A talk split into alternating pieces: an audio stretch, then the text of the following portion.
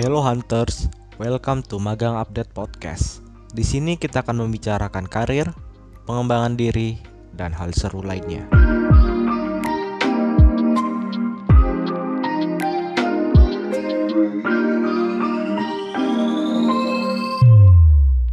Good day Hunters, welcome back to Magang Update Podcast. Gimana nih kabarnya Hunters? Semoga kalian selalu dalam keadaan yang sehat ya. Sebelum kita mulai, aku ingin memperkenalkan diri terlebih dahulu nih Hunters. Halo Hunters, perkenalkan nama aku Anissa Mutiara Nurning Tias sebagai Project Management Magang Update. Nah, di podcast episode kali ini, aku akan membahas dan menjawab rasa penasaran Hunters mengenai get to know facts and rumor about working at Big Four Company. Ngomongin soal kerja di Big Four Company, khususnya di e-commerce company, pastinya Hunters punya keinginan tersendiri ataupun pengen tahu gimana persiapan yang harus dilakukan agar bisa bekerja di sana. Maka dari itu, podcast kita pada episode kali ini, kita mengundang narasumber yang keren dengan skill yang hebat yang bekerja di Big Four Company, uh, Big Four e-commerce company. Jadi langsung saja kita sambut Kak Dewi Dia Natika. Halo Kak Dewi Dia. Hai Mutiara, hai Hunter semuanya. Gimana nih Kak kabarnya?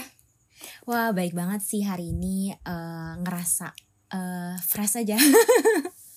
Alhamdulillah, berarti sehat ya Kak? Alhamdulillah sehat. Alhamdulillah.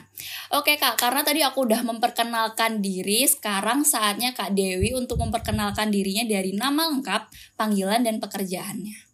Oke, uh, halo semuanya. Uh, kenalin, nama aku Dewi Denatika. Kalian bisa manggil aku Dewi.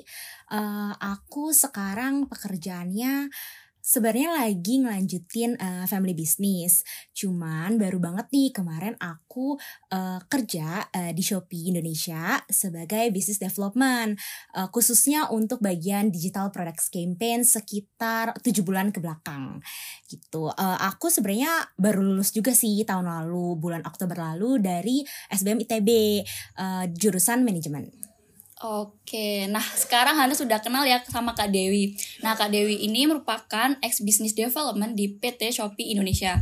Nah, Kak Dewi uh, boleh dong diceritain sedikit tentang kesibukan Kak Dewi saat ini. Oke, untuk kesibukannya ya, karena aku sebenarnya baru banget nih beres dari Shopee tanggal 21 Mei kemarin, berarti baru berapa hari tuh. Nah, Iya. untuk kesibukannya sekarang uh, karena baru selesai Shopee, aku mulai lanjutin uh, bisnis keluarga aku di bagian pearls and jewelry gitu. Khususnya bagian marketingnya sih, jadi kayak uh, bikin konten, uh, photoshoot, uh, pemasaran lewat sosial media. Uh, sekarang keseharian aku lebih ke situ. Oke, keren banget ya Kak. Pasti sangat sibuk sekali ya sekarang ini. Ngomongin soal pekerjaan nih Kak, pasti uh, kerja di suatu e-commerce memiliki kesenangan dan tantangan yang berbeda. Nah, tadi kan uh, Kak Dewi udah uh, jelasin kalau misalnya Kak Dewi juga pernah bekerja di Shopee. Apa aja sih sebenarnya kesenangan dan tantangan bekerja di Shopee ini Kak? Oke, kalau kesenangan dulu kali ya. Kalau senangnya banyak banget sih. aku bener-bener apa ya? Aku ngerasa enjoy banget ketika aku di Shopee. Pertama mungkin dari working hours-nya. Eh, jadi kalau misalnya di Shopee kemarin itu kita dibagi dua gitu. Jadi kadang WFO, kadang WFH. Kalau misalnya WFH itu tuh alias work from home tuh jadi bisa work from uh, anywhere gitu kan. Jadi bisa sambil kerja di luar sambil ke kafe kayak gitu. Terus uh, kebetulan working hoursnya tuh nggak dari pagi dari pagi kayak jam 7 jam 8 uh, kerjanya tuh dari jam sekitar jam 10 lah gitu. Dan fit banget sama diri aku yang kayak aku tuh nggak nggak terlalu suka sih kalau kerja mulai dari pagi banget gitu. Karena ada kegiatan yang dilakuin kalau pagi. Jadi kalau misalnya eh jadi kesenangannya tuh sesu, uh, selain sesuai sama diri aku kebiasaan aku uh, terus temen-temennya juga. Jadi kalau misalnya di startup itu temen-temennya tuh kayak sefrekuensi gitu loh. Karena umurnya tuh eh, sama kayak sekitar masih 20-an lah. Jadi nyambung banget. Terus mereka tuh saling suportif. Nggak cuma di pekerjaan ya tapi dalam eh, kehidupan kehidupan sehari-hari kayak cerita-cerita itu eh, oke banget gitu. Terus selain itu untuk kesenangannya juga kalau misalnya WFO kalau FO itu kan kita uh, di kantornya yang aku di Sudirman ya di SCBD. Di situ kan dekat sama kayak beberapa mall. Jadi kalau misalnya siang-siang habis ngantor, makan siang, kadang kita suka jalan ke mall buat makan atau malamnya. Terus kerjaannya juga menurut aku nggak nggak terlalu susah. Jadi mestinya bisa di pelajari dan kebetulan sesuai banget sama passion aku which is di bagian campaign. Campaign kan agak marketing gitu kan. Jadi uh, oke okay lah aku aku senang banget lah di sana gitu. Environmentnya sangat mendukung. Uh, itu sih itu buat kesenangannya. Nah untuk tantangannya sendiri mungkin apa ya karena kalau misalnya di Shopee ini kan pertama kali aku kerja beneran gitu ya di suatu company. Jadi ini aku ngerasa kayak first time banget ya aku kerja dan aku kayak nggak tahu apa-apa gitu. Kayak eh kerja kayak gimana ya nanti? Terus uh, susah nggak ya? Bisa nggak ya? Teman-temannya oke okay nggak ya? Gitu. Jadi pas awal-awal lumayan uh, harus adapt juga. Terus kalau misalnya startup tuh kan kerjanya lumayan cepat. Jadi aku juga harus nyimbangin tuh uh, misalnya kalau yang sebelumnya aku agak santai pas ketika kerja di sini tuh aku harus lebih cepat gitu. Harus kerjanya harus efisien dan efektif juga gitu gitu. Terus selain itu ada juga terms-terms yang aku nggak terlalu uh, tahu sebelumnya. Jadi misalnya di pekerjaan aku ada kata-kata yang uh, kok aku nggak familiar ya. Jadi aku harus pelajarin dulu itu maksudnya apa sih. Uh, terus kalau misalnya maksudnya itu itu kenapa, apa ngaruhnya gitu. Ada beberapa yang awalnya aku nggak tahu. Jadi aku harus uh, lari dulu di awal untuk uh, mengejar hal-hal uh, yang aku kurang tahu sebelumnya. Kayak gitu. Sama satu lagi mungkin untuk tantangannya uh, harus bisa nyeimbangin sama uh, kan kita pengennya kalau kerja work life balance ya bisa olahraga bisa main juga gitu kan. Jadi uh, itu aku awal-awal karena tadi uh, kerjanya cepet terus itu first time juga buat aku. Pas awal-awal aku agak-agak sulit untuk menyimbangin uh, waktu buat olahraga atau buat kayak kita bisa kita harus stop kerja di jam segini nih gitu. Awalnya aku agak-agak uh, challenging lah buat aku buat ngatur itu gitu. Oke, wah ternyata sangat menantang ya. Tapi di balik itu semua masih banyak keseruan dan kesenangan yang bakal kita dapat kalau kita bekerja di Shopee. Iya. Nah, ya Kak Dewi ini ada nggak sih pengalaman-pengalaman yang unik ketika bekerja di Shopee? Kalau ada, boleh dong sharing-sharing pengalaman yang berkesan saat bekerja di Shopee. Oke, pengalaman yang berkesan. Wah, pengalaman berkesan banyak banget sih. Kenapa aku bilang bisa bilang berkesan? Karena pertama pekerjaannya aku suka. Uh, karena sesuai passion aku tadi ya, maksudnya kayak sesuai jurusan iya, sesuai passion iya, terus ditambah temen-temennya oke, okay. jam kerjanya aku masih oke okay, gitu loh, kayak aku nggak harus bangun pagi banget buat kayak kerja gitu kan. Terus selain itu, tadi kan aku bilang ya temen-temennya uh, oke okay banget. Aku tuh waktu itu sama teman-temanku work from Bali. Uh, apa sih dari dari Shopee tim uh, tim aku do tim aku aja tapi jadi kita kayak waktu itu inisiat kayak eh coba yuk kita kerja dari Bali. Terus kita minta approval ke manajer kayak kak boleh nggak kita selama seminggu waktu itu 10 hari sih 10 hari work from Bali. Terus akhirnya dibolehin kan gitu. Terus akhirnya kita work from Bali. Jadi sambil sambil liburan kayak liburan padahal nggak liburan juga ya Sabtu Minggu liburan ya tapi sambil buka laptop. Jadi misalnya pindah ke kafe ini buka laptop. Di jalan di grab buka laptop lagi. Terus pindah lagi ke kafe ini buka laptop. Kayak gitu. Itu menurut aku seru banget. Jadi kayak kerja nggak kerasa beban karena ada teman-temannya terus dari gitu juga uh, sempat beberapa kali kayak staycation eh pernah sekali staycation juga sambil kerja juga. Kayak misalnya tadi aku kan bagian campaign ya. Campaign tuh kalau misalnya kalian tahu di Shopee kalau gampangnya gini sih uh, setiap tanggal-tanggal cantik kayak satu satu dua dua tiga tiga itu kan selalu ada diskon gede-gedean kan. Nah yang ngurusin diskon gede-gedean di bagian digital products tuh tim aku gitu. Jadi selama sehari tanggal satu misalnya satu satu selama satu hari tuh kita tuh kayak uh, uh, full standby lah ibaratnya karena ada yang kita kerjain hari itu. Nah tapi nggak full seharian banget ya jam 12 malam sampai jam 12 uh, pagi lagi nggak ada jadwal-jadwalnya. Nah waktu itu kita mutusin untuk staycation. Jadi kita jaga campaign bareng sambil staycation gitu.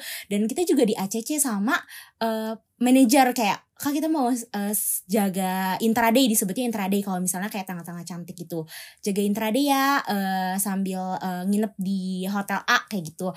Nah itu menurut aku salah satu juga pengalaman yang uh, seru banget dan oke okay banget. Terus uh, udah gitu kayak misalnya karena teman-temannya sefrekuensi, jadi kalau misalnya aku lagi begadang malam-malam bisa sambil teleponan, bisa sambil cerita-cerita juga, saling saling suportif lah karena teman-temannya itu bener-bener sefrekuensi banget. Jadi kalau misalnya kita lagi capek nih kerja, uh, kita tuh kerasa berkurang berkurang lah karena sharing juga kan terus bisa uh, sambil cerita-cerita yang lain gitu Wah seru banget ya kak work from Bali Berarti selain bisa kerja bisa healing juga gitu ya kak Iya Oke okay, pasti para hunters juga makin gak sabar nih be bisa bekerja di Shopee Nah, oh ya kak, pasti uh, bekerja di Shopee ini banyak fakta-fakta yang sebenarnya para hunters itu belum tahu sebelumnya. Nah, apa aja sih kak fakta-fakta yang ada ketika bekerja di Shopee? Oke, buat fakta-faktanya ya. Mungkin kalau fakta-fakta ini berdasarkan pengalaman aku juga. Pertama mungkin faktanya dan kayaknya banyak orang yang udah dengar kali ya kalau kerja di startup tuh pace-nya cepet banget. Uh, dan itu iya itu fakta. Karena uh, apalagi anak dalam itu anak-anak muda lah spirit itu masih tinggi banget semangatnya masih oke okay banget juga. Jadi kerjanya juga harus cepet kan? Jadi emang dituntut kita itu kerja cepat dan efisien. Terus kerjaannya juga nggak cuma satu. Misalnya aku megang satu campaign atau satu project. Nah nggak cuma satu gitu ada beberapa. Jadi kita harus bisa manage waktu yang baik tadi. Uh, entah dalam ngerjain pekerjaannya dan kita kan juga ada misalnya kegiatan lain kayak uh, harus olahraga atau ngerjain yang lain gitu. Kalau WFH gitu kan. Jadi harus bisa uh, bagi waktu uh, dengan baik kayak gitu. Terus selain itu faktanya tadi environmentnya sangat mendukung banget buat personal development. Aku ngerasa banget karena uh, my manager juga bilang ke aku kayak awalnya ekspektasi aku masuk ke Shopee apa gitu kan. Aku bilang ekspektasi aku aku pengen belajar kak. Aku baru lulus terus kayak aku bener-bener nggak tahu nih dunia kerja kayak gimana. Aku pengen banget dapet ilmu belajar di sini.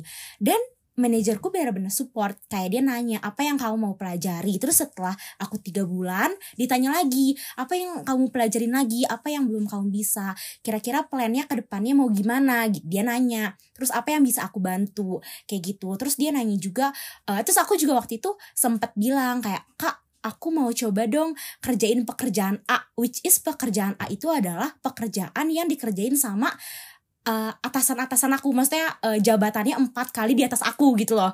Aku bilang aku aku pengen cobain ini. Terus dia bilang kayak sure cobain aja. Hands on juga nggak apa-apa gitu. Jadi kayak bener-bener disupport banget untuk belajar dan bener-bener memenuhi ekspektasi aku ya gitu. Terus aku juga suka minta minta feedback kayak uh, ada feedback nggak? Uh, baik dalam pekerjaan atau dalam uh, personal kayak gitu dia kasih. Jadi menurut aku fakta-faktanya itu lebih kayak bener-bener ngebantu personal development aku dalam karir maupun dalam kehidupan dengan teman-teman yang sangat-sangat sangat-sangat suportif dan anak-anak uh, muda lah. Jadi enak lah kalau buat uh, sambil buat main kayak gitu. Dia maksudnya dijadiin teman main gak hanya teman kerja. Gitu buat fakta-fakta Aduh seru banget ya kak. Berarti tadi faktanya itu salah satunya kita harus uh, kerja cepet gitu ya karena teman-temannya tuh masih pada aktif-aktif. Terus juga tadi seniornya itu selalu mendukung apa yang kita pengenin gitu ya supaya kita terus berkembang gitu. Seru banget iya. sih kak menurut aku. Oke bicara tentang fakta, tentunya ada rumor uh, yang uh, bekerja di Big Four e-commerce company ini. Boleh dong kak ceritain rumor apa aja sih yang sering kakak dengar tentang kerja di Shopee? Oke, uh, rumor ya. Yeah. Rumor berarti yang orang-orang omongin uh, tentang Shopee. Jadi belum tentu benar, belum tentu enggak gitu kan. Nah, ini aku pernah dengar juga nih. Uh, aku aku juga sempat nanya juga sih ke, ke, beberapa temanku. Ad, pertama ada yang bilang kayak, eh kayaknya kalau masuk Shopee uh, kerja atau magang di Shopee auto jadi anak hits ya dia bilang gitu, anak teteh-teteh SCBD gitu. Wah banyak banget yang ngomong kayak gitu. Uh, apa namanya uh, pakai lanyard coach, terus uh, makannya ke Asta atau ke PP gitu. Itu rumor-rumor aja sebenarnya. Karena nggak semuanya kayak gitu. Tergantung divisinya tadi tergantung teman-temannya emang teman-temannya suka main suka nongki atau emang uh, teman-teman yang lebih suka divisinya yang suka diem di kantor gitu. Karena sebenarnya di Shopee di kantor pun disediain makannya di, disediain makanan. Baik itu siang ataupun malam kita bisa request sampai malam juga gitu kan. Jadi cemilan juga lengkap gitu. Jadi sebenarnya uh, apa ya nggak nggak teteh-teteh SCBD banget lah gitu. Terus deh gitu uh, tadi apa auto jadi anak hits gitu kan. Uh, tergantung sih mungkin ada temen-temen Shopee team yang suka nge-SG-in suka bikin TikTok terus jadi hits. Banyak yang nanya-nanya itu iya tapi nggak semuanya kayak gitu. Tergantung juga ke diri masing-masing. Terus yang kedua ada yang bilang kalau masuk Shopee itu cuman anak bisnis sama anak manajemen doang lah yang masuk yang gampang masuk.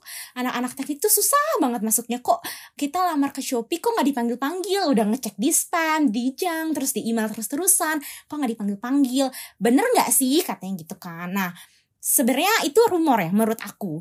Karena di divisi aku pun ada anak teknik. Padahal divisi aku kan business development ya.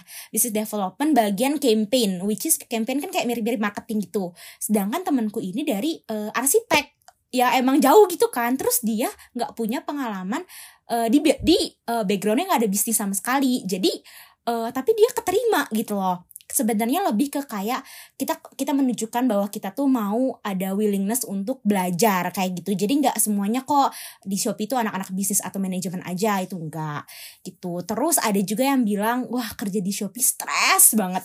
Kayak workloadnya gede banget kayak banyak banget nggak ada work life balance gitu. Itu ada juga nggak cuma satu atau dua orang yang ngomong ya. Uh, untuk workload itu pasti uh, apa ya ya emang banyak sih. Maksudnya di setiap pekerjaan menurutku pasti kita nggak cuman megang satu project tapi ada beberapa project terus uh, dan dan yang itu yang membuat kita harus bisa nge-manage uh, waktu kita kayak gitu. Uh, harus tahu uh, kapan kita harus mulainya terus kapan kita harus uh, berhenti di jam berapa kayak gitu. Tapi jangan juga berhenti di jam berapa tapi kerjanya nggak selesai. Jangan juga sampai kayak gitu. Kerjanya harus efektif menurutku. Nggak bisa kayak uh, apa ya namanya cepet-cepet tapi kurang baik gitu. Nggak nggak juga kayak gitu. Itu pasti ada teknik-tekniknya ya gimana caranya biar kerja efektif biar cepet. Terus udah gitu uh, bikin stres banget. Misalnya capek banget nih kerja di Shopee. Kalau menurut aku capek itu wajar. Maksudnya setiap perusahaan pasti nggak mungkin kita kalau kerja nggak capek ya nggak iya, sih?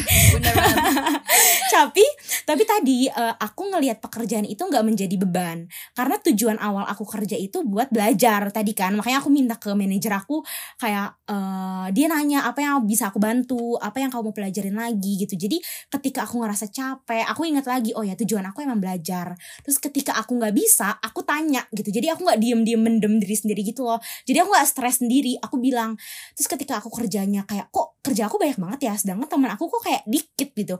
Aku aku nanya gitu ke manajerku aku speak up. Aku nggak cuman diem dan jadi stres sendiri gitu. Aku bilang kayak uh, aku mengajukan concern misalnya kayak gitu ya kayak atau minta minta bantuan kayak gitu uh, menurut aku itu hal yang wajar dan uh, ma uh, manajer kita juga support kayak gitu. Jadi kalau stres harus bisa memaintain uh, diri sendiri uh, diri kita sendiri juga gimana caranya biar nggak terlalu stres itu. Apalagi kalau teman-temannya seumuran kan enak ya bisa berbagi. Jadi rasa stresnya berkurang lah gitu. Oke, menarik sekali ya kak tadi rumor-rumornya dari tadi yang uh, jurusan itu yang keterima Shopee cuma anak bisnis atau manajemen itu salah ya kak itu salah. buktinya masih ada jurusan lain seperti teknik tadi yang keterima di Shopee. Iya benar. Menarik sekali ya kak rumor-rumornya ternyata baru tahu juga. Oke kak, karena penawaran di industri itu sangat banyak dan persaingannya juga sangat ketat uh, mungkin kakak bisa kasih tips and trick nih untuk para hunters gimana caranya untuk mendapatkan pekerjaan di Shopee. Oke, buat tips and trick ya. Ini mungkin berdasarkan pengalaman aku juga sama dengar-dengar dari HR uh, eh, company gitu kan. Kalau pertama, menurut aku ketahui dulu minat kamu apa. Kayak kamu tuh passionate di mana sih? Kamu jurusannya sebelumnya apa? Kamu maunya kerja di mana? Kamu harus tahu dulu kayak uh, jangan asal daftar gitu loh menurut aku ke setiap perusahaan. Harus tahu dulu kamu pengennya kayak gimana. Misalnya kamu belum tahu nih aku mau kerjanya uh, pengen di startup pengen di e-commerce maksudnya. Uh, tapi aku belum tahu pengen bagian apa bidang apa gitu. Aku nggak tahu aku suka di mana gitu kan. Kamu harus kayak set waktu buat dari kamu misalnya seminggu. Oke aku bakal riset uh, aku pengen kerja di Shopee di sini di sini di sini di sini tapi aku belum tahu posisinya apa terus baca-baca dulu posisinya apa yang kira-kira kamu sukai yang kamu minati nah ketika kamu udah tahu, kamu uh, mulai bikin CV. Nah, mungkin tips and triknya di sini kali ya dari CV.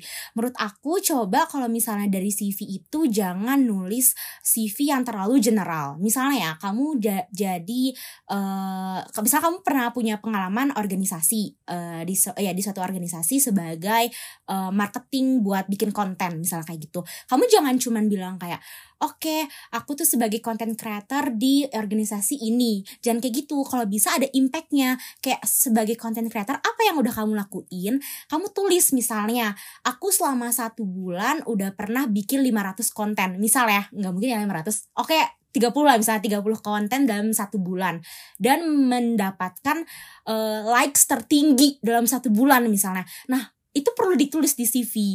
Jadi jangan uh, general banget kalau bisa ada impact-impact dan achievement yang kamu lakuin ditaruh di CV. Terus jangan lupa juga jangan bikin satu CV buat semua perusahaan karena setiap perusahaan tuh beda-beda requirementnya. Apalagi jobnya ya beda-beda. Jangan kamu masukin marketing sama uh, business development itu misalnya ada ada bedanya. Jangan kamu samain CV-nya. Kalau bisa dibedain lebih personalized gitu. Misalnya uh, job A requirementnya apa. Nah, kamu cocokin background kamu yang pernah kamu yang ada mirip-miripnya lah gitu, yang kira-kira yang dibutuhin perusahaan apa, kamu tulis di CV kamu. Jadi nggak terlalu ke mana-mana gitu loh. Jadi ketika HR yang lihat tuh, oh ini yang dibutuhin nih perusahaan, skill ini nih yang dibutuhin. Jadi oke okay nih uh, si A lolos tahap uh, eh, CV kayak gitu. Itu buat CV. Terus selain itu uh, apa coba selain kamu udah daftar CV, follow up ke HR-nya. Kamu bisa email kayak kayak say hi gitu kayak aku udah daftar dan lain-lain gitu dengan bahasa yang sopan ya pastinya.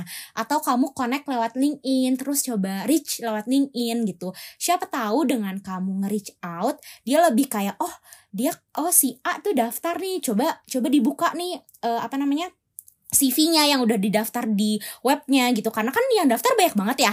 Jadi kalau bisa reach out juga tuh HR-nya biar kamu uh, biar kamu terlihat gitu CV-nya gitu. Terus selain itu uh, setelah kamu daftar, reach out ke HR, jangan lupa cek email, jangan sampai masuk spam, tapi kamu nggak tahu kayak gitu. Pokoknya cek aja ke semuanya ke bagian spam, junk dan lain-lain.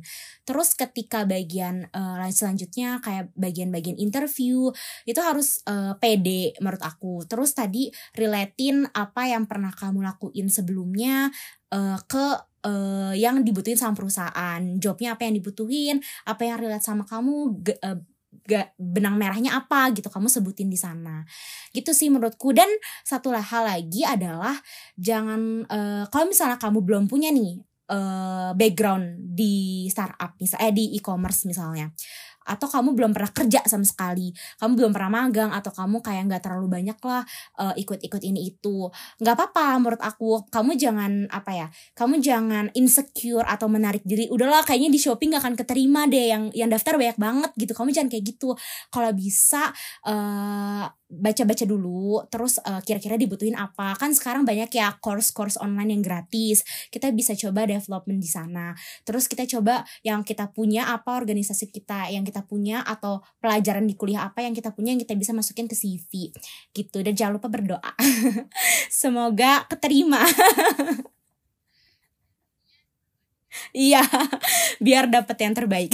iya, bener banget. Jadi tadi kalau ditarik kesimpulan kita harus tahu dulu ya Kak, passion kita tuh apa. Terus habis itu baru kita tuh pilih-pilih divisi yang sekiranya kita nyaman bekerja di divisi tersebut. Hmm. Uh, baru kita apply CV-nya tuh nggak sembarang CV yang general gitu, tapi kita sesuaikan CV-nya dengan divisi yang kita akan apply. Kalau misalnya belum ada balasan, kita bisa follow up buat uh, eh, HR-nya dengan bahasa yang sopan. Intinya itu ya Kak tadi. Ya, betul. Gitu. Oke Kak, lanjut pem, uh, pembahasan yang selanjutnya. Ini sangat krusial sih Kak.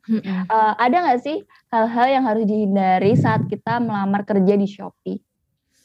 Oke, buat hal yang harus dihindari ya, um, balik lagi yang pertama tadi, jangan sampai kamu buta. Ibaratnya itu jangan sampai kamu nggak tahu apa yang kamu mau jangan sampai kamu nggak uh, tahu job yang kamu lamar itu apa. Perusahaan yang kamu lamar itu itu perusahaan apa gitu. Dia itu environmentnya kayak gimana? Kerjanya itu kayak gimana gitu siapa tahu kamu expectnya gini kayaknya di di star uh, di e-commerce enak deh uh, bisa sambil main gitu. Ternyata nggak semua divisi kayak gitu misalnya. Atau kayaknya kok bisa santai ya dia bisa sambil uh, chill bisa sambil ke Bali. Tapi ternyata di balik itu juga kerjanya harus cepet gitu. Jadi kamu uh, pertama kamu harus tahu apa yang kamu tuju. Uh, kayak gimana uh, situasinya kayak gimana pekerjaannya itu yang kamu mau kayak gimana. Kalau misalnya kamu nggak tahu, kan banyak ya di Google juga ada, di YouTube juga ada, atau kalau misalnya kamu bisa reach out uh, orang yang pernah kerja di perusahaan itu, di e-commerce itu, kamu juga bisa tanya-tanya lewat LinkedIn, lewat Instagram itu pasti uh, menurutku orang-orang yang pernah kerja di sana tuh open lah buat sharing sharing-sharing pengalamannya kayak gitu. Jadi jangan buta ketika ke kalian uh, daftar ke suatu company.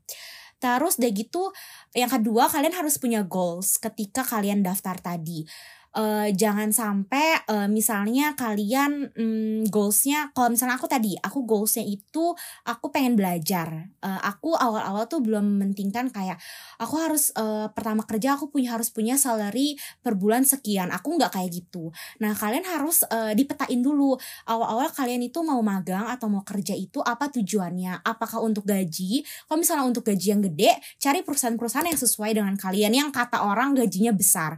Atau kalau misalnya kalian kalian mau uh, cari yang emang buat belajar, kerjanya cepet cepet temen-temen yang suportif bener-bener kayak di push to the limit banget nih buat belajar.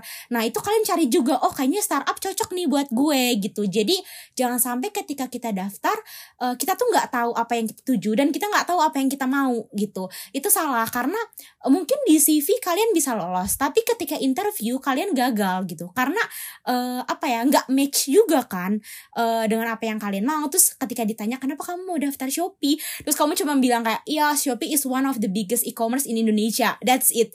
Kayak maksudnya semua orang bisa jawab itu gitu. Di even di internet juga ada gitu kan tulisannya. Kalian harus punya uh, tujuan gitu loh se semuanya. Terus udah gitu uh, apa ya? Ini sesuai uh, nyambung juga sama ekspektasi. Ketika kalian mau daftar, uh, hindari ekspektasi dulu terlalu yang berlebihan tadi cari informasi dan sesuai dengan ekspektasi kita. Jangan sampai kita udah ngeliat nih informasinya semua kayak, ih kayaknya uh, di perusahaan ini uh, dia kurang deh, kayak gajinya kecil. Di perusahaan ini kayaknya cepet banget deh kerjanya. Di perusahaan ini kayaknya uh, orang-orangnya kayak nggak sesuai deh umurnya sama aku gitu gak ada perusahaan yang perfect woy jadi harus uh, apa ya harus maintain ekspektasi kita tadi dicocokin sama yang kita mau apa goalsnya gitu nggak uh, semua perusahaan itu uh, plus semuanya gitu. Nggak ada pasti ada kayak nggak sesuainya sama kita. Dan jangan terakhir jangan terlalu kemakan rumor-rumor. Mending kalau misalnya kalian dengar rumor atau kayak katanya sih gini gitu kan kalian uh, tanya lagi ke orang yang pernah kerja di sana atau ke HR-nya langsung. Uh, eh bener gak sih kalau kerja di sini tuh gini gini gini gini gitu. Jadi nggak uh, nggak langsung kayak eh kayaknya di sana susah dikerjanya udah nggak jadi gitu. Jadi menutup opportunity. Nah jangan sampai kayak gitu Oke, berarti tadi yang hal-hal yang harus kita hindari adalah uh, buta akan divisi yang akan kita apply ya kak. Berarti kita iya. seharusnya yeah. tuh harus research dulu divisi yang akan kita apply supaya kita nggak uh, gugup waktu interview biar nggak salah-salah juga waktu interview gitu ya. Iya um, benar banget. Lalu kita juga harus punya goals dan untuk diri kita sendiri dan uh, buang rumor-rumor yang dapat menghambat diri kita sendiri untuk apply pekerjaan tersebut. Nah itu penting banget ya Hunter, jadi bisa dicatat hal-hal yang harus dihindari saat apply pekerjaan di Big Four e-commerce company. Nah, selanjutnya nih Kak, menurut Kakak apa saja sarana pembelajaran yang dapat membantu para hunters dapat bekerja di Shopee atau persiapan Kakak dulu hmm. untuk bekerja di Shopee? Oke, mungkin saran pembelajaran atau persiapan kali ya. Aku pas awal-awal mau daftar Shopee, uh, aku juga awalnya kayak coba-coba. Aku bener-bener kayak semua yang aku lihat di LinkedIn yang aku tertarik aku daftar gitu. Aku sedaftar itu aja secil itu kayak daftar aja daftar aja daftar aja. Nah terus ketika dipanggil uh, aku bingung kan waktu itu kesalahan aku itu. Makanya tadi aku ngasih saran yang harus dihindari itu jangan kayak aku. Nah aku tuh uh, ketika udah dipanggil tuh ah mampus ini apa nih? gitu kan. Ah, ini jawabnya gimana ya detailnya? gitu. Aku aku bingung. Terus aku cari namun itu aku riset bener-bener riset. Aku cari di YouTube kayak tips and trick masuk Shopee. Interviewnya kayak gimana interview HR-nya kayak gimana apa yang ditanyain apa yang biar kamu lolos. Interview sama user harus kayak gimana. Terus nanti ada tesnya kan di Shopee itu ada tes Excel kalau aku sama matematika.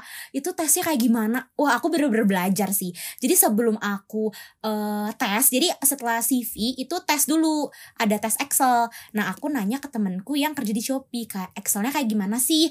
Uh, apa sih namanya? Aku harus belajar apa nih? Terus dia nyariin aku buat nonton YouTube. Nah, kebetulan di YouTube tuh ada. Jadi kamu tinggal search aja uh, tes Excel Shopee gitu. Nanti tuh banyak tuh. Aku lupa namanya apa ya? Adam apa gitu kalau nggak salah. Cuman aku lupa deh. Nanti mungkin aku bisa kasih tahu ya abis ini uh, nama YouTube-nya, YouTube channelnya. Nah itu tuh ada dia dia dia nge-review. Jadi ada kayak Excelnya Shopee. Terus cara-cara ngerjainnya gimana. Terus aku nonton sambil aku pelajarin. Terus habis itu ada tes matematika juga. Uh, itu juga ada review-reviewnya. Pokoknya semuanya adalah di Google ada, di YouTube juga ada. Jadi uh, sekarang tuh udah enak kayak kita nanya ke orang atau nyari di internet tuh semua informasinya udah ada. Terus uh, selain itu persiapannya mungkin kalau misalnya eh, nggak uh, relate juga nih misalnya sama uh, misalnya nih uh, aku mau daftar awal-awal mau daftar CV baru CV ya misalnya. Tapi aku backgroundnya anak teknik misalnya tapi aku tuh agak passionate nih di marketing atau di business development tapi aku nggak punya pengalaman gitu kan. Aku bisa aja ikut course-course online yang tentang basic-basic marketing. Jadi at least aku udah tahu terms-termsnya gitu loh. Jadi ketika aku masukin CV aku tulis kayak certification of bla bla bla. Jadi aku ada sertifikat uh, digital marketing misalnya kayak gitu karena pernah ikut course online yang gratis nah itu juga bisa jadi uh, menurut aku uh, sekarang banyak banget sih sarana-sarana untuk pembelajaran uh, course-course gratis kayak gitu pokoknya atau info-info uh, di YouTube atau internet itu udah banyak banget Oke, berarti tadi yang harus disiapin terkait tes-tes sebelum CV itu ya kak bisa mm -hmm. dicari di YouTube atau Google gitu. Mm -hmm. Nah dari tadi kan kita, uh, aku udah tanya-tanya banyak nih terkait kakak. Ini juga ada beberapa pertanyaan dari Hunters yang udah kita kumpulin hari ini di Instagram Magang Update. Ternyata banyak sekali ya Kak Hunters yang excited mendengarkan podcast topik ini. Oke, langsung aja Kak pertanyaan uh, pertama dari Hunters. Boleh ceritain nggak Kak kerja di Shopee sebagai business development tuh ngapain aja? Ada bagian-bagian apa aja sih di business development? Oke, uh, bagi, pertama ngapain aja? Kalau misalnya aku, uh, aku kan bagian campaign ya tadi.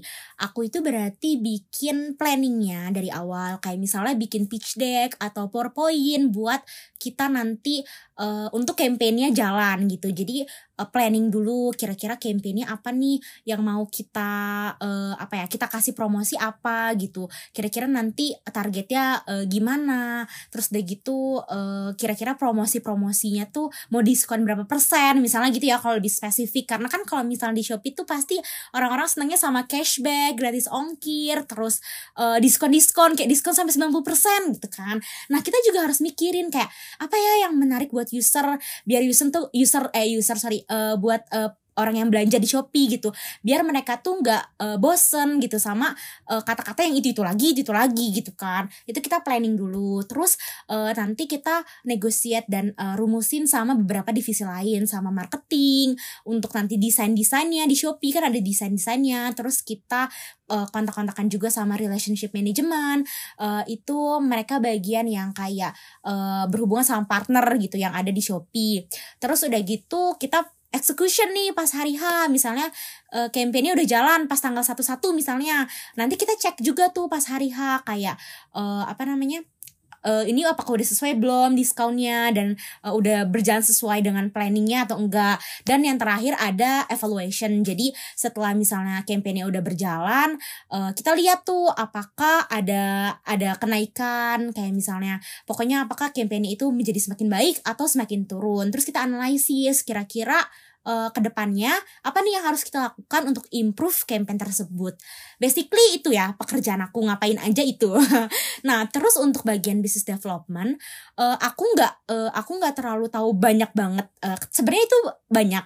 Mungkin bisa langsung dilihat di Shopee-nya ya, uh, di web Shopee-nya Shopee Karir. Cuman kalau yang aku tahu itu ada beberapa kayak aku uh, digital products campaign. Terus ada bagian uh, yang aku tuh berarti bikin campaign. Terus kalau misalnya relationship management itu tuh dia berhubungan sama partner kayak di Shopee kan banyak ya yang jualan. Uh, yang jualannya juga bintang 5 misalnya kayak gitu. Terus brand-brand ter- brand-brand ternama kayak Polo terus iPhone juga ada gitu kan. Nah itu tuh ada orang-orang dari Shopee yang menghubungi yang berkontakkan sama partner kayak gitu. Itu bagian uh, relationship management. Ada juga bagian seller management juga ada. Jadi uh, banyak banget sih di Shopee Business Development ini uh, apa-apa ajanya. Yang lebih detail bisa langsung cek di Shopee Karir Oke, wah seru banget ya Kak dan menarik sekali kerja sebagai business development. Bisa mengembangkan inovasi-inovasi yang kita miliki untuk meningkatkan branding Shopee. Benar. Oke, lanjut ya Kak untuk Oke. pertanyaan kedua dari Hunters. Uh, mungkin tadi udah dijelasin sedikit dari Kak Dewi, tapi uh, mungkin bisa dijelasin lebih detail ya Kak. Uh, boleh sharing lingkungan kerja di Shopee itu kayak gimana sih Kak? Ah sorry, uh, kerja lingkungannya maksudnya Lingkungan kerjanya kayak temen-temennya, Oke. terus uh, seniornya gitu gitu. Oke oke sip. Eh, buat lingkungannya, tadi kan aku sempat singgung bahwa teman-temannya itu eh, seumuran ya, masih sama-sama 20-an. Jadi eh, lingkungannya itu menurut aku sangat-sangat fun. eh, terus eh, suportif banget. Karena tadi selain kita selain saling membantu dalam pekerjaan, membantu dalam personal kita juga kayak gitu. Eh, kayak misalnya dari mulai time management, terus aku tanya kayak eh gimana ya cara ngatur waktu yang baik nih kok kerjanya banyak eh tapi kok gue kayak ke, kelelak ke apa ya keteteran gitu kan. Tips and trick dong dari yang udah agak lama di Shopee gitu yang lebih lama. Kamu kayak gimana caranya biar bisa bagi waktu? Terus udah gitu eh, gimana cara kerjanya tadi biar eh, lebih efisien? Gimana tips and triknya jadi kalau misalnya untuk teman-temannya itu benar-benar sefrekuensi banget. Bisa diajak main bisa dijadiin temen eh teman best friend gitu juga. Jadi bisa karena aku kayak gitu ya. Jadi aku ada eh, jadi kayak sahabat gitu jadinya. Jadi nggak sebagai teman kerja aja tapi jadi tadi teman jalan-jalan sambil eh, ke Bali itu bisa jadi teman gitu kan. Terus selain itu untuk kayak sama eh, manajernya karena tadi balik lagi karena masih umur 20-an manajerku pun masih di bawah 30 jadi masih relate lah gitu. Jadi ketika kita kayak kak aku pengen improve diri aku nih di bagian sini dia tuh kayak tahu banget anak muda tuh butuh pelajaran ini loh gitu butuh knowledge ini loh gitu. Jadi disupport gitu. Dan ketika aku selesai karena udah selesai ya di Shopee. Aku bilang kan concern aku eh, nggak di eh, tidak melanjutkan di Shopee itu karena ini ini ini gitu. Berhubungan dengan eh, future plan aku gitu. Dan dia sangat suportif banget kayak eh, tidak menghambat kita untuk sangat eh, untuk berkembang gitu loh. Terus untuk kayak eh, ide-ide kreatif kita misalnya eh, kita punya ide kreatif pengen bikin campaign A itu bener-bener kayak disediain wadahnya. Malah malah kita diminta untuk eh, coba dari kalian ada ide nggak? Kita kira-kira eh, apa sih? Kayak kira-kira nanti kita mau bikin campaign apa? Kayak gitu kategori apa yang mau kita eh, promosiin misalnya. Kayak gitu. Jadi bener-bener eh, suportif dan sangat membantu sih untuk personal eh, aku menurutku. Oke, wah, berarti tadi lingkungannya sangat mendukung dan tentunya sangat nyaman ya Kak. Nah, terakhir nih Kak, pertanyaan dari Hunters. Eh, fakta nggak Kak, orang-orang yang kerja di Shopee rata-rata punya pengalaman dan background yang keren-keren semua. Kalau yang masih non experience, apakah masih bisa diterima di Shopee? Oke. Eh penga- orang-orang yang di Shopee punya background yang keren-keren. Eh mungkin keren tuh definisinya banyak kali ya. Un- menurut aku ya, personally ya, menurut aku eh, nggak punya related eh, experience yang di dalam bidang bisnis itu ke tadi tetap bisa keterima di Shopee. Yang penting kamu ada willingness to learn, terus kamu ya kamu menunjukkan bahwa kamu emang eh, apa namanya eh, berusahalah untuk kayak eh, mengerti apa yang nanti akan di- eh, dikerjain gitu. Job-job tasnya tuh kira-kira kamu bisa sesuai. Nah terus untuk no experience kira-kira bisa gak sih eh, keterima eh, di Shopee tapi nggak ada experience magang misalnya ya? Atau nggak ada experience banyak banget yang organisasi-organisasi Eh, ini aku sempet dengar obrolan sama HR tapi eh, ini bener-bener mungkin beda ya. Eh, aku nggak tahu pasti tapi kalau misalnya yang sempet aku dengar dari HR itu tetap bisa-bisa aja. Karena eh, yang penting misalnya kamu masukin nih di CV kamu di kuliah kamu kamu pernah eh, ada pelajaran-pelajaran misalnya tentang business communication atau pelajaran tentang marketing itu kamu bisa aja kamu masukin ke CV ke bagian skill kamu. Atau kamu pernah ada project-project dari kuliah kamu yang kamu masukin ke uh, eh, CV kamu. Dan itu menurutku possible banget ya apalagi kalau masih relate kayak gitu. Dan perlu kalian ketahui juga aku nggak ada experience untuk kayak uh, kerja di perusahaan yang gede gini kayak kayak e-commerce gini. Aku orga, uh, experience aku paling kayak tadi organisasi misalnya kayak gitu. Uh, atau ada project-projectan sama temen. Dan itu tuh uh, masih possible kok aku keterima di Shopee. Jadi menurut aku yang penting kamu nanti tunjukin di CV kamu detail apa yang pernah kamu uh, lakuin course-nya itu ada apa aja. Terus deh gitu uh, pas ketika interview kamu jelasin kamu tunjukin bahwa kamu tuh emang willing nih untuk belajar. Dan kamu ngerasa passionate nih di job ini kayak gitu Oke, berarti para hunters yang masih non experience nggak boleh berkecil hati ya kak, karena masih ada orang yang dengan non experience yang keterima di Shopee. Yang penting punya kesungguhan dan mau uh, belajar untuk mengembangkan dirinya di Shopee. Nah, sebenarnya masih banyak sih kak pertanyaan, tapi sayang sekali karena waktu yang terbatas kita harus mengakhiri obrolan seru kita. Nah, kerasa sekali ya kak kita uh, udah ngobrol dari setengah delapan tadi itu. Hmm. Nah sebelum diakhiri kak, mungkin boleh nih kakak hmm. memberikan pesan atau motivasi untuk hunters yang pengen bekerja di industri e-commerce. Oke, motivasi atau pesan ya. Uh, mungkin pertama ini, kalau misalnya buat kalian yang belum tahu pengen uh, kerja di mana. Kalian setelah lulus kuliah pengen kerja dulu kuliah dulu bikin bisnis dulu gitu. Kita kan masih bingung banget ya aduh kayak buta banget gitu. Terus misalnya uh, sempet coba apply kok nggak keterima? Padahal apply-nya baru sekali dua kali gitu kan. Kayak wajar banget kalau kita apply sekali dua kali tapi nggak keterima itu wajar banget. Aku pun uh, sering merasakan itu gitu kan. Nah, buat kalian yang belum tahu pengen ke mana, jangan takut uh, kalau misalnya kita takut terus kita diem aja di sini sekarang itu nggak akan kita nggak akan bikin kita maju. Kalau misalnya kamu bingung kamu cari di internet. Kamu tanya di internet tuh banyak banget jawaban atas semua pertanyaan kita. Kalau kamu gak nemu di internet kamu tanya orang yang pernah kerja di perusahaan yang kamu mau kayak gitu. Atau kira-kira kamu belum tahu nih perusahaan mana tapi udah agak-agak spesifik tentang marketing gitu misalnya. Ya kamu tanya misalnya ke cutting kamu yang di bagian marketing gitu. Pokoknya kalau misalnya kamu bingung kamu cari solusinya kamu tanya. Terus kalau kamu butuh bantuan kamu bikin CV terus kamu udah apply ke banyak perusahaan tapi kok nggak dipanggil panggil gitu kan. Itu berarti kan kamu butuh bantuan ya. Kamu harus improve kayak kira-kira CV ku yang salah apa saat interview apa yang salah dari aku gitu. Nah ketika kamu butuh bantuan kamu cari gitu loh. Kamu tanya juga tadi misalnya ke cutting atau ke teman kamu yang udah kerja eh, eh tolong dong review CV gue atau kayak kira-kira pas interview kemarin gue gini-gini tanyanya gue jawabnya gini kok gue gak dipanggil lagi ya? Kurangnya apa? Kayak gitu. Jadi uh, jangan takut uh, jangan takut nggak keterima. Jangan takut kayak aku belum tahu ke mana mana ke mana harus ke mana. Cari baca tanya dan uh, apa berdoa juga jangan lupa minta petunjuk ya. Kayak kira-kira feelingnya nih kuatnya kayaknya aku lebih passionate ke sini deh misalnya kayak gitu. Dan jangan lupa take take action juga jangan cuma dengerin podcast terus oh iya oh ternyata kayak gini aku dapat ilmu. Tapi kalian nggak do, not, do nothing gitu misalnya ya. Jangan juga percuma kita kalau misalnya nggak ada action ya bakal di sini sini terus. Takut boleh bingung nggak apa-apa. Uh, kita tuh eh, nggak uh, tahu juga apa yang ke depannya tapi yang penting itu satu jangan pernah diem. Tetap coba cari tahu mulai aja daftar-daftar dulu kira-kira yang sesuai apa yang pengen apa dan uh, let gas uh, let God uh, uh, ngasih semuanya ke kita Oke, terima kasih sekali motivasinya Kak. Semoga motivasinya membuat para hunters semakin semangat ya Kak. Amin.